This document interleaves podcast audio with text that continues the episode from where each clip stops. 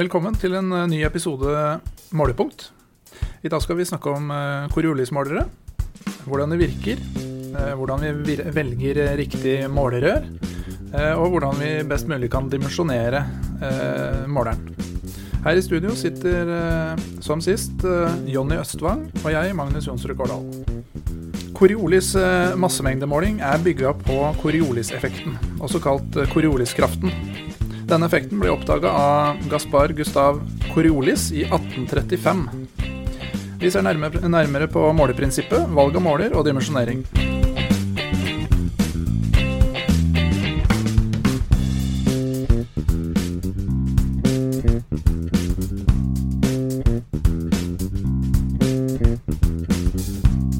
Ja, da kan jo jeg ta det her rundt eh, selve måleprinsippet. Ja, Eh, måleprinsippet kan fortelles og forklares på mange forskjellige måter. og Kommer man inn bl.a. i dag på YouTube og videre, så tar opp Coriolis, så ser man jo mange rare forklaringer av Coriolis-effekten. Ja.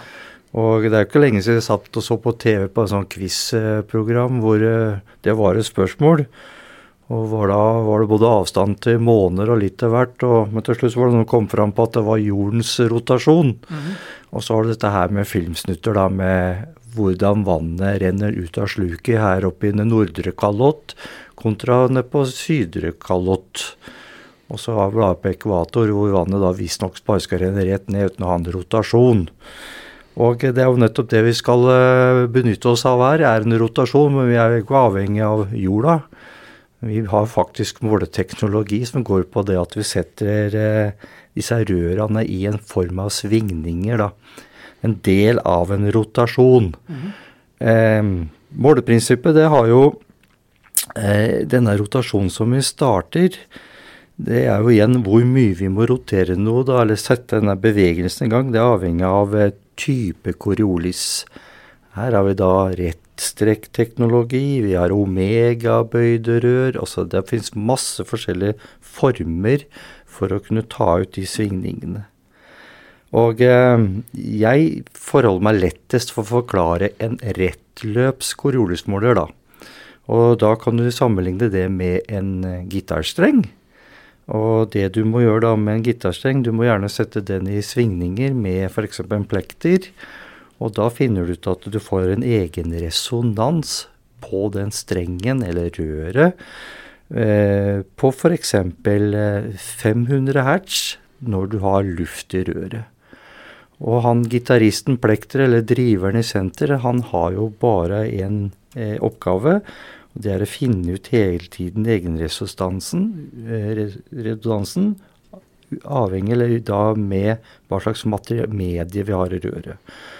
Forholder vi oss til luft, 500 hertz f.eks., så kan vi si at det, resonansen på røret eh, den faller ned til 350 hertz med vann.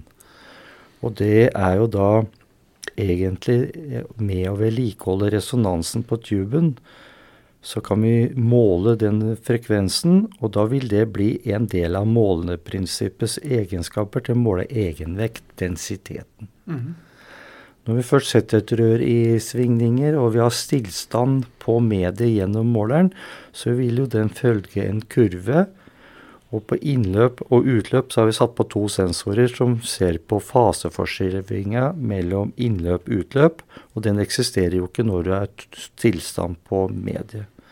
Setter vi da, åpner vi krana, som sagt, så vil jo den første delen av røret bli bremsa, så at vi får et slakk innløp, og så kommer det på midtpunktet hvor vi har eh, driveren, så begynner vi å pushe. Så vi får det da en brems i førsten, og så får vi noe som skyver ifra midtpunktet ut andreflensen. Da får vi en faseforskyvning mellom sensor A og B, og størst, desto større den faseforskyvninga blir, jo så større masse går gjennom måleren. Og det er jo måling nummer to. Det er jo masse. Så må vi jo ta hensyn til eh, det metallurgiske når det gjelder temperatur. Temperatur har jo en stor påvirkning når det gjelder med det metallet, da. Det er akkurat som gitaristen. Han må stemme gitaren. Og det må også vi gjøre når vi snakker om Coriolismålere. For endrer temperaturen seg, så må vi stemme. Og det gjør vi med å måle temperaturen på prosessrøret inni, inni måleren. Og da kompenserer vi for temperaturskiftet. Så i utgangspunktet så er måleprinsippet bygd på at vi måler tre ting. Vi måler da altså svingefrekvensen. Vi måler eh, eh differansen på sensor A og B, altså innløp-utløp, hvor mye faseforskyvninga er. Og så måler vi temperaturen. Mm. Så nå veit du at Kinderegget har en sånn liten R bak seg, men det er jo for en måleteknikers eh, gode sjokoladeoverraskelse. Ja. ja, det er det. Jeg pleier å tenke på eh, eksperimentet som vi gjorde i fysikktimen på skolen. Med hånda di mm. Eh, og en fjær, og med et lite lodd. Der hvor, Hvis vi skal overføre det til Coriolis-måleren, så kan du tenke deg at hånda er driveren som setter røret i svingning. Ja. Eh, fjæra er selve røret. Mm. Eh, og eh, vekta i bånn er mediet inni røret. Da. Mm. Så hvis du har en lett vekt, og du, du beveger dette opp og ned, så vil vekta følge hånda di. Og hvis du får en, en litt tyngre vekt, så vil eh, frekvensen opp og ned på, på loddet vil være litt, litt mindre da, i forhold til hånda. Det er vel det samme, samme som skjer inne i Coriolismåleren, sånn grovt sett, da. Grovt sett så er det det. Og du har f.eks. du kan nå Snart så er jo våren og sommeren her, vi skal begynne vann i hagen. Det er bare å svinge en hageslange mellom to mennesker når vannet står i stillstand. Mm -hmm. Så vil du se at den følger litt som et Åpner du krana, så vil du begynne å se Coriolis-effekten. Ja, Da bukter den seg som ja, en slange. Ja, bukter den seg som en slange. Ja. Så det er jo sånn uh, måleren er bygd opp. Eh, enkelt fortalt og god sensorteknologi gir bare bedre målere. Mm. Så her måler vi altså eh, både eh, hastigheten på det som går inn i målerøret, og vi måler eh, egenvekta på det. Ja, altså vi måler massen. Ja. Massen direkte. Og det er jo det som gjelder, er at her får du massen direkte i kilo. Og så måler vi jo densiteten, mm. og vi måler som sagt temperatur. Det vi sitter med da, så har vi jo en fantastisk mulighet at i og med at måleren da har eh, massen og densiteten, ja, så får du en god beregning av den volumetriske flowen. Helt uavhengig av temperatur. Så får du en, da en eh, volumetrisk flow med ekstrem målenøyaktighet. Mm. Det nyttiggjøres f.eks. der du skal måle på et innløp, eh, utløp, som f.eks. en kjølevannskrets har du en temperatur inn på kjølevannskresten med 10-15 grader celsius, og du har 75 grader ut, så får du på en volumetrisk mengdemåler alltid volumetrisk mer ut. Tar du og bruker en massestrømsmåler, eller en korolsmåler, så vil den volumetriske som er beregnet utenfor densiteten, være nøyaktig. Mm -hmm. Så det har sine fortrinn sånn sett. Eh, densiteten en god densitetsmåler som en korolsmåler har, det gjør også at du kan beregne konsentrasjon av medier. Så ja, for da er vi litt over på applikasjoner her. Altså, mm. Du nevnte jo eh, elektro elektromagnetisk mengdemåler, ja. som er på en måte allrounderen og det, det du, første du går til. Mm. Men det krever jo at det er en eh, elektrisk ledende, et elektrisk ledende medie. da. Ja. Så hvor, hvor er det korolysmåleren kommer inn i bildet her? Når er det vi må begynne å bruke den, og hvilke applikasjoner er det det er mest vanlig å bruke den? Det er eh, absolutt der du ikke har ledningsevne, selvfølgelig. Mm. Vi snakker om oljeprodukter osv. Og så er det en annen konkurrent som vi ikke har snakket om ennå, som kommer seinere i episoder. Det er jo ja. ultralyd. Men har du f.eks. et eh, ikke-ledende medie og mye partikler, så er det Coriolis vi sitter igjen med som er mest nøyaktig måleprinsipp. Mm. Og av og til så er det vel, eh, som du nevnte, da, dette her med å ha et forhold til hvor mye dette veier òg. Ja. Massen. Ja. Eh, og i hvilke applikasjoner er det det blir viktig? Nei, det er særlig innenfor vann og avløp. Det er teknologi med å måle tørststoff, Mm. Konsentrasjon på slam. At det avvanning og alt sammen fungerer eh, som det skal. Eh, hvis vi tenker på oljeapplikasjoner, da, eh, hva er det som er mest vanlig der? Nei, også innenfor olje så har vi jo eh, De siste få åra så ser vi jo eh, særlig innenfor skipsnæring, Mm. så er dette med forbruk av olje veldig eh, fokus. Det har jo med utslippssiden å gjøre.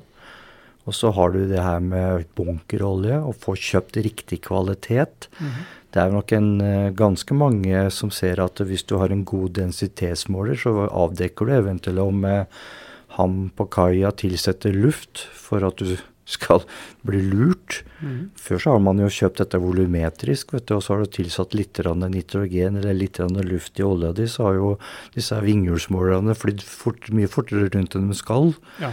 Så um, her får du et kvalitetsmåling på hva slags oljeprodukt du har. Du kan også avdekke veldig mye mer rundt å bruke det på et oljeprodukt. Og det gjelder jo ikke bare den type olje som vi forbrenner, men du har jo også oljeprodukt innenfor fiskenæring. Mhm. Du har jo dette eh, tran, og du har eh, et hav av applikasjoner innenfor olje, oljemåling, og da går det veldig mye på eh, kvalitetsmålinger. Mm. Det gjør det. Så med, med en eh, ultralydmåler, da, som du nevnte i stad, så mm. kan du måle mengde Men- olje, men du vil ikke finne ut om det er eh, vann inn, eller om det er eh, gass, eller Nei. Det får du faktisk med en Coriolis-måler. Der får du nøyaktig oljekvaliteten din Mhm. på en for, for så vidt måte. Ja, da har vi snakka litt om uh, oljeapplikasjonene. Uh, I uh, bl.a. kommunalteknisk sektor så er også dette aktuelt, da. I forhold til dette med å male uh, slam og tørrstoff. Ja, det går jo på om eh, prosessen går riktig, for man til slutt får ut det tørrstoffinnholdet som man skal. Eh, det er jo da å, bruke TS-målinga. Tørrstoffmåling er jo da basert på densiteten, og forskjellen på densitet fra vann, som ligger i, til grunn. Og så lager vi en kurve hvor eh, vi sier at det tørrstoffinnhold på 40 det er så og så mye densitet i forhold. Men eh, måleren i dag har jo en innebygd algoritme som gjør den der en, veldig enkelt for deg. Mm. Og det kreves da kun en sånn enpunktskalibrering etter å ha tatt ut noen prøver. Så slam gjelder jo for renseanlegg, men er ser jo at slam det kommer jo mer og mer også på biogassanlegg. Du har innenfor fiskebransjen så ønsker man mer og mer å måle konsentrert slam ifra, fra renseanleggene. Mm. Og du ønsker jo ikke å betale for eh, å levere vann, eh, ofte, så du ønsker også å ha et produkt som har eh, ikke mer vann enn det som eh, kreves. Nei, det er jo helt riktig det, men eh, det er jo dyrt å, å ha for mye vann inn i renseprosessen også. Mm. Er det noen andre applikasjoner vi bruker Coriolis? Ja, det har jo Der det er krav om ekstreme altså nøyaktige målinger, så har jeg jo solgt inn Coriolis-måler fordi at man har ikke de her måletekniske rettstrekka. For det er jo Mm. det som er unikt med en Coriolis-måler. Han ser jo ikke på noen flow-profil.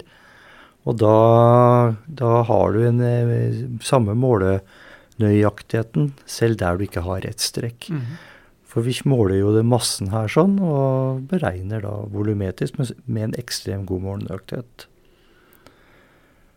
Og så er det jo dette her det da eh, Der det ikke er ledende væsker. Det går veldig mye på, på det, da. Og vi har jo da f.eks. målt sjokolade. Mhm. Sjokolade er jo en morsom ting å måle på, for den er jo veldig innenfor en viss segment hastighet. Eh, vi har eh, målt på sprøytebetong. Eh, veldig vanskelig applikasjon. Mhm. Vi har målt på veldig mye slipende medier. Altså det, det er mange spennende applikasjoner som vi sitter igjen og kun kan bruke Coriolis på. Åssen er det med Coriolis og gassapplikasjoner? Eh, jo, altså Coriolis og gassapplikasjoner, det krever da eh, målere som f.eks. har mye masse bevegelse i seg selv. Og der kan man ikke bruke rettløpsteknologi. Der må man bruke bøyde rør for å få ut mer av den Coriolis-effekten. Og da er det jo veldig mye innenfor det nye som har kommet nå, innenfor type gasser. Eh, må bare være klar over at det, det veldig mange gassapplikasjoner krever trykk. hvis man skal måle densiteten. For densiteten den er jo en utfordring når den blir så lav som den er på mange gasser. Mm. Du nevnte jo nå at eh, gassmålinger ikke kan eh, gjennomføres med rettløpsmålere. Det bringer oss jo egentlig videre på valg av målerør, for der er jo flere forskjellige eh, alternativer å velge mellom. Både antall rør og eh, selve geometrien på røra. Kan du ta en sånn kjapp eh, gjennomgang av de mest vanlige og de tilgjengelige eh, variantene av målerør vi har? Ja, Nei, det, er, det er egentlig Eh, det vi ser når folk forespør på bl.a. på Coriolis, så får du bare Har du en pris på en Coriolis-måler, det er litt mer innvikla. Det er nesten som en lottokupong. Altså, man må ha en del forkunnskap for å velge riktig måler, da. Ja. For det første så finnes det jo mange forskjellige ulike materialer. Men i og med at vi setter rør i svingninger her, så blir jo røret en del av sensoren. Mm. Så jeg ikke, kunden kan ikke komme og si at han skal ha ditt og datt i materialer. For det, vi må først sjekke om vi kan sette de røra i de svingningene. Men det, det er jo syrefaste rør, 316, eh, duplex 318.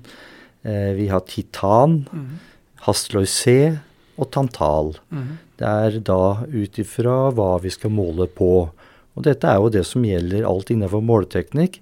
Prosess, prosess, prosess, kunnskap først. Mm -hmm. Og så må vi velge koriolismåler sånn som på, vi har snakka om på elektromagnetiske mengdemålere, ut fra hva vi skal måle på. Eh, dimensjoner Det er jo litt sånn spennende når du får eh, forespørsler på dimensjoner. Altså vi kommer opp med pris på en DN50, men eh, hvis du tenker deg sjøl et rør som er, er ett rør, i DN50 kontra ett som er med torørsmåler med svært bøyde rør, så er det to forskjellige kapasiteter på de målerne. Mm. Og dimensjoneringa, det må vi gjøre ut ifra det nordmann kaller for nominal flow. Hvor stort trykkfall kan jeg ha over måleren? Og da har vi jo dette med antall målerør. altså Vi har jo én rettløpsmåler. Vi har, vi har to rettløpsmålere. Vi har fire rettløpsmåleren. Mm. Vi har én ettrørs bøydmåler. Vi har toløpsbøydmåler osv. Mm. Og de her med bøyderør, det er primært på lav densitet. Og så bruker vi gjerne rettløpsteknologi da på, på væsker, mm. sånn sett. Uh, så har man jo utfordringer også når det gjelder dette her med temperatur høy temperatur, nei, da må vi normalt forholde oss til bøyderørsteknologi. Mm -hmm. Kommer man gjerne opp i over 130 grader, så må vi opp i det de er. Temperatur er jo også litt sånn spennende. Det kan jo også være veldig kryonikk, altså lav temperatur.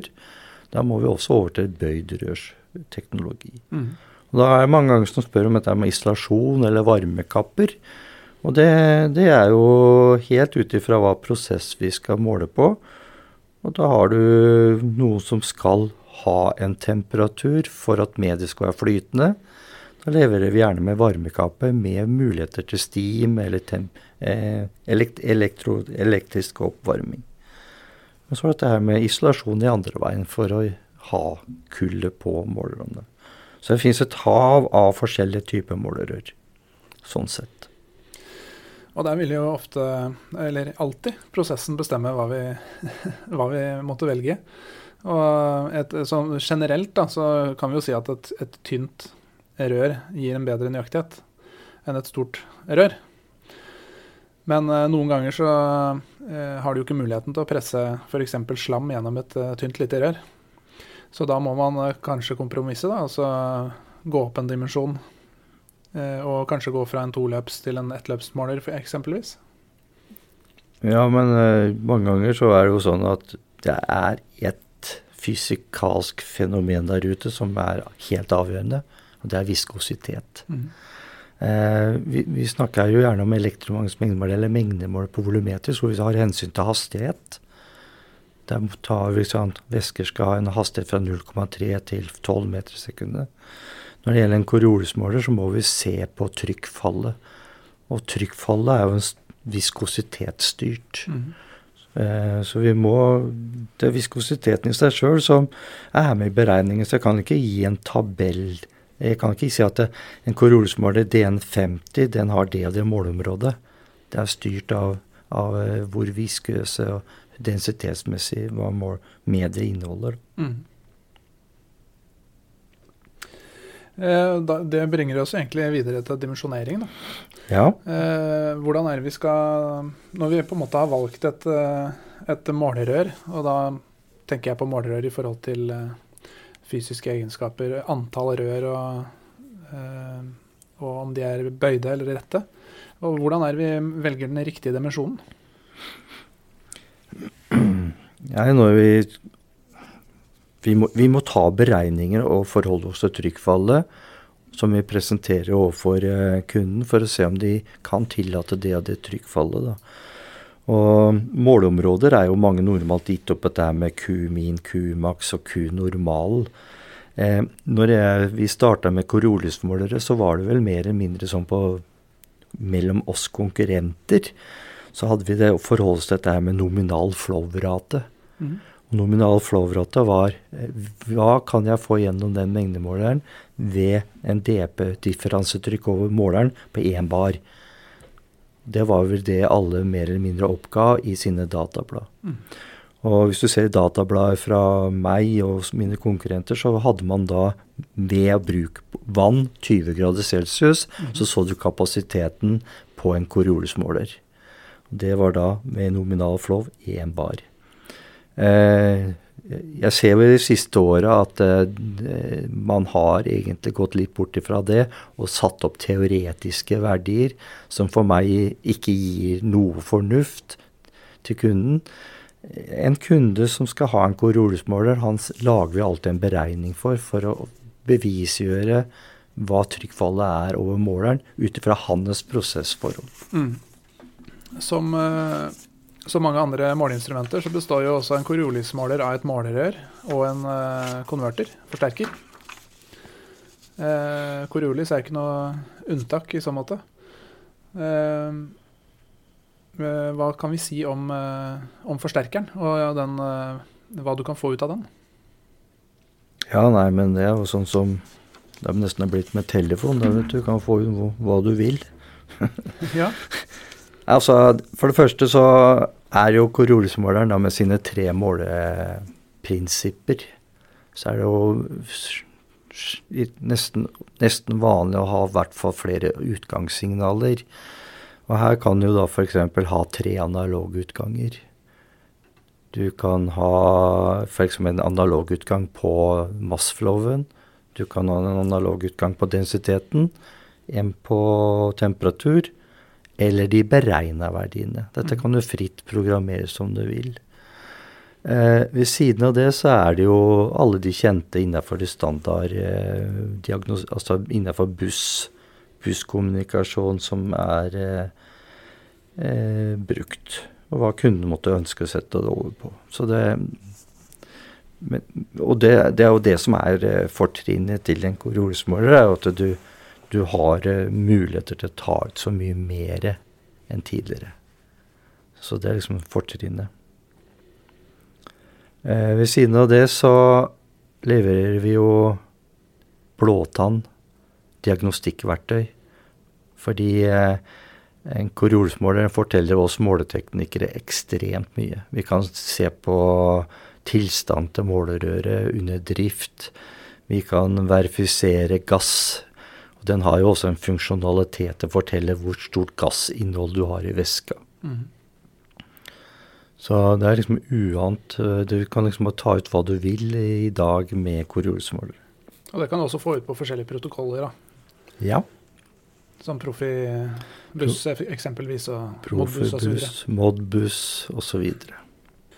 Når var første gangen du eh, kom over en koriolismåler da, Jonny? Ja, det må jo ha vært i mitt tidligere liv på Petterson, det da. Nei, jeg husker det var noe mystikk. Det var noe mystikk. Vi hadde noen korolsmål borti Koker, husker jeg, på noen kjemikalier, og det må jo ha vært eh, Det må jo ha vært eh, i slutten av 80-tallet. Mm. Da tror jeg vi hadde noe, noen korolesmålere på noe lurium vi skjønte oss ikke helt på den. Han skulle visst måle kilo, men jeg syns jo det var noen rare greier. da, For det, vi var jo bare vant til volumetriske mengdemålere. Ja. Men eh, jeg fikk vel ikke noe særlig glede av koriolismofullt før jeg begynte her i 1997. Mm. Og da var det jo gøy å være med, fordi eh, jeg vet jo at eh, rettløpsteknologien til Krone, den var jo den verdens første. Ja. Én rettløpsmåler. Den blei jo utvikla og realisert eh, Altså, altså utviklingen visstnok starta i 1985 på fabrikken i England med å se på å produsere Coriolismålere av rettløpsteknologi. Mm. Og det tok jo da ni år. Så kom eh, den for salg. I 1994 så kom verdens første enerettløpsmåler til verden. Og etter det så har jo jeg vært med på siden 97 på en enorm, enorm utvikling på korjordsmålere. Eh, det er vel Vi må jo gjette litt, men jeg tror det er tredje eller fjerde generasjon rettløpsteknologi. Mm. Når jeg reiste rundt som servicemann i 97 på rettløpsteknologi, så var det ekstremt mye som gikk tilbake på at de var vanskelig å installere. Det var, eh, det var ikke måte til å opp, eh, oppmontering som skulle til, eller det var nesten sånn måtte monteres på H-bjelker eller rett på betonggulv for å være greie å ta vare på korioliseffekten inni måleren. ja, for det bevegde seg såpass. Ja, ja, ja, det, du kunne høre dem utafor fabrikkporten, at de sto og jamma. Eh, I dag så er jo målerne kommet så langt at de er jo helt immune for installasjonsbetingelser på den måte. Så nei, det har vært en eh, Det er jo det måleprinsippet som vi liker best å drive med, for det, det sier også mye. Hva er den rareste applikasjonen du har vært borti? Ja, nei Det må ha vært sjokolade. det var eh, Det er ikke rart, men det var veldig sånn snevert område for å få eh, det her i forhold til Nå er jeg ikke noen ekspert på prosess sjokolade, men det var visst noe sånn litt som krystallisering og så, så videre. Så Mm. satte veldig krav på måletekniske, da. Eh, Nei, det, jeg har jo egentlig bare kunnet vært med på de fleste måletyper. Altså, men det, er, det er sånn, var en fin, hyggelig tur, husker jeg, til sjokoladefabrikk oppe i Trondheim. Ja.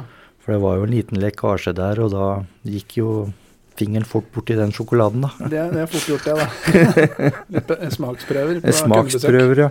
Nei, altså, ellers så var jeg Jeg husker jeg var med på de første to rettløpsmålerne i verden. På, det var på Bastefosenferja, mellom Moss og Horten. Mhm. Eh, hvor vi måtte erstatte ultralyd pga. restrekk. Så det var de aller to første restrekksmålerne vi monterte på en båt. Eh, jeg har lært mye om båt etter det, for jeg har lært at du kan i hvert fall ikke levere dem i kompaktversjon med elektronikk rett på rør på et skott. Nei. Nei, for det, måleren må varte i tre uker, og da kom kondensatorene dettende ut av forsterkeren. Ja. Så da var det å bygge om. Eksisterende måler fikk bare koblingshode, og så bygde vi om og satte forsterkeren på vibrasjonsfritt sted. Mm.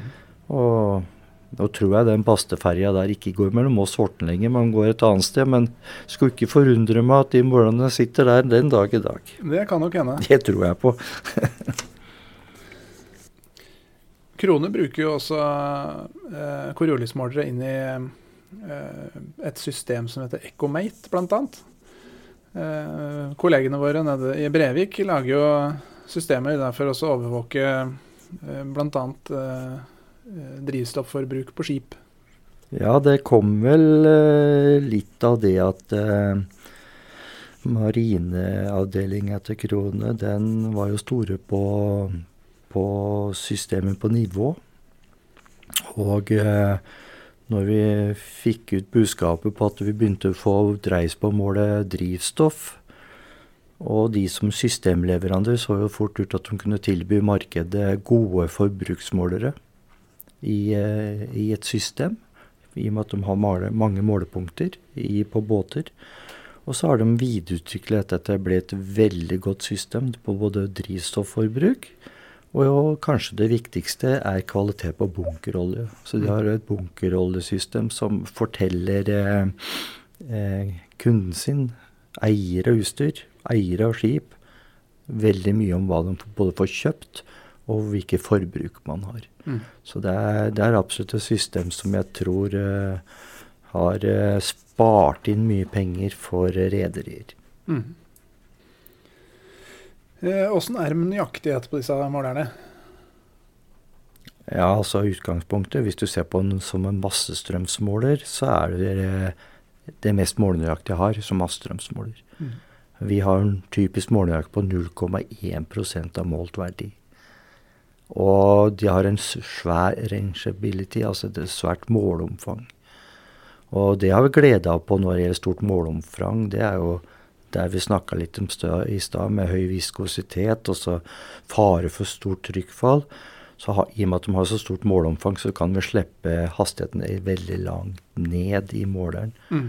Og enda opprettholde ekstrem målnøyaktighet. Eh, jeg kan tilføre litt til når vi snakker om målusikkerhet måleusikkerhet her, fordi mange Eller jeg har, jeg har sett noen kjøper en korolsmåler for å måle volumetrisk. Og så har jo jeg sittet her og sagt at vi har 0,1 målenøyaktighet. Mm. Men vær klar over at det er av massflowen, av, av kiloen. Mm.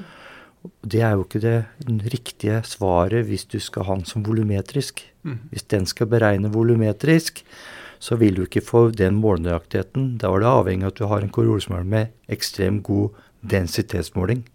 For det er summen av nøyaktighet på mass flow og summen av nøyaktigheten med densiteten, det er lik nøyaktigheten på den volumetriske.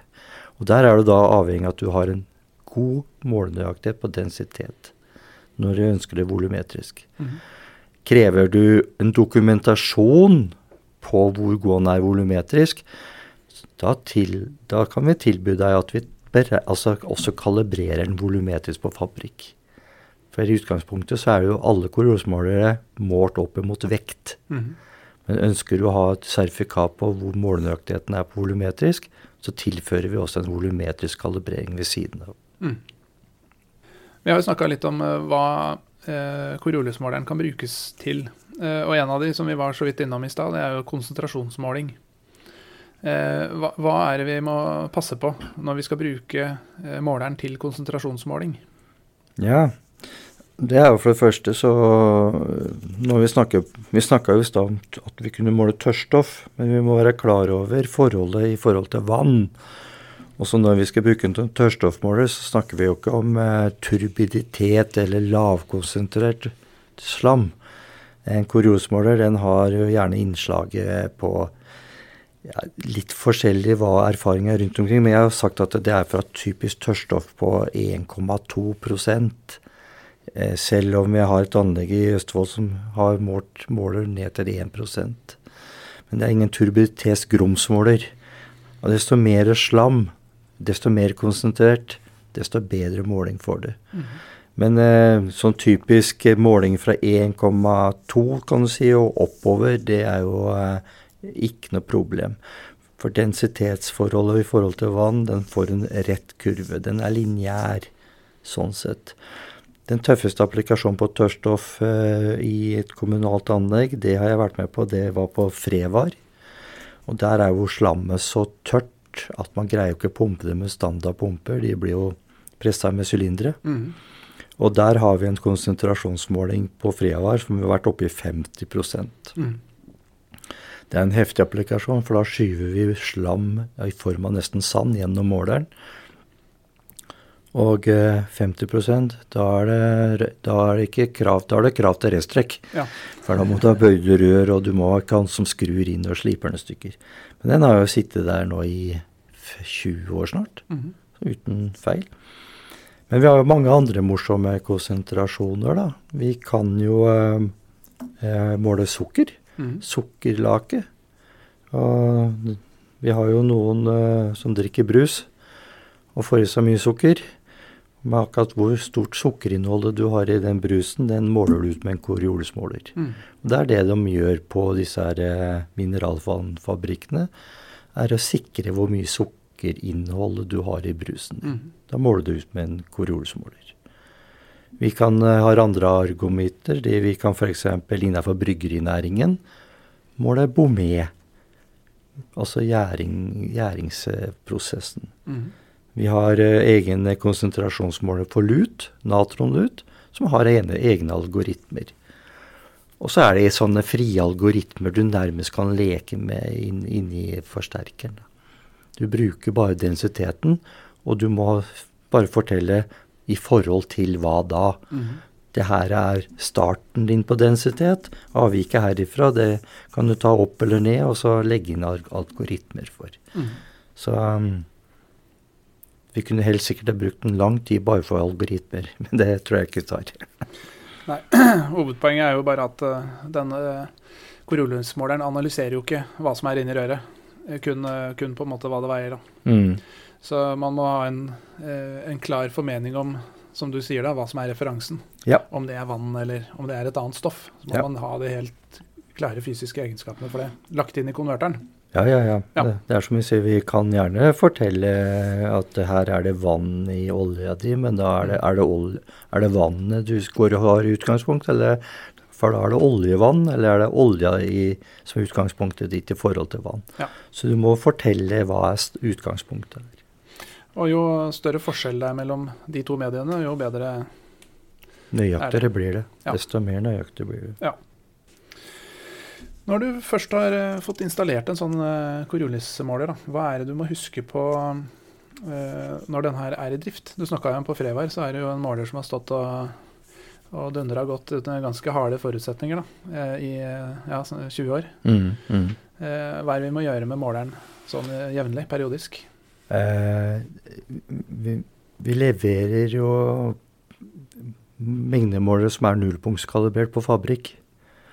Dette er det eneste måleprinsippet jeg har hvor vi må ta en nullpunktskalibrering først. Og det er mange som glemmer. Mm. Fordi eh, hvis du husker, så var vi gitaristen, strengen. Mm. Den drar vi jo i. Og vi drar jo i stemmer eh, strengen ut ifra de forholda som vi har. Eh, men hvis du installerer en Coriolis-måler da med at du ytterligere drar i flensene, eller du har litt trangt der, så du skyver dette sammen, eller du har litt skeivheter i prosessrøra dine, så kan du få en effekt på en Coriolis-måler. Derfor er det viktig å ta nullpunktskalibrering med helst væske, hvis det er en væskemåling, på plass. Og hvis du gjør det og tar nullpunktskalibrering med væske i stillstand, så tar du bort alle sånne påvirkningskrefter. Mm. Det er en engangstilfelle. Det er ikke noe du skal drive med eller ha behov for å ta seinere.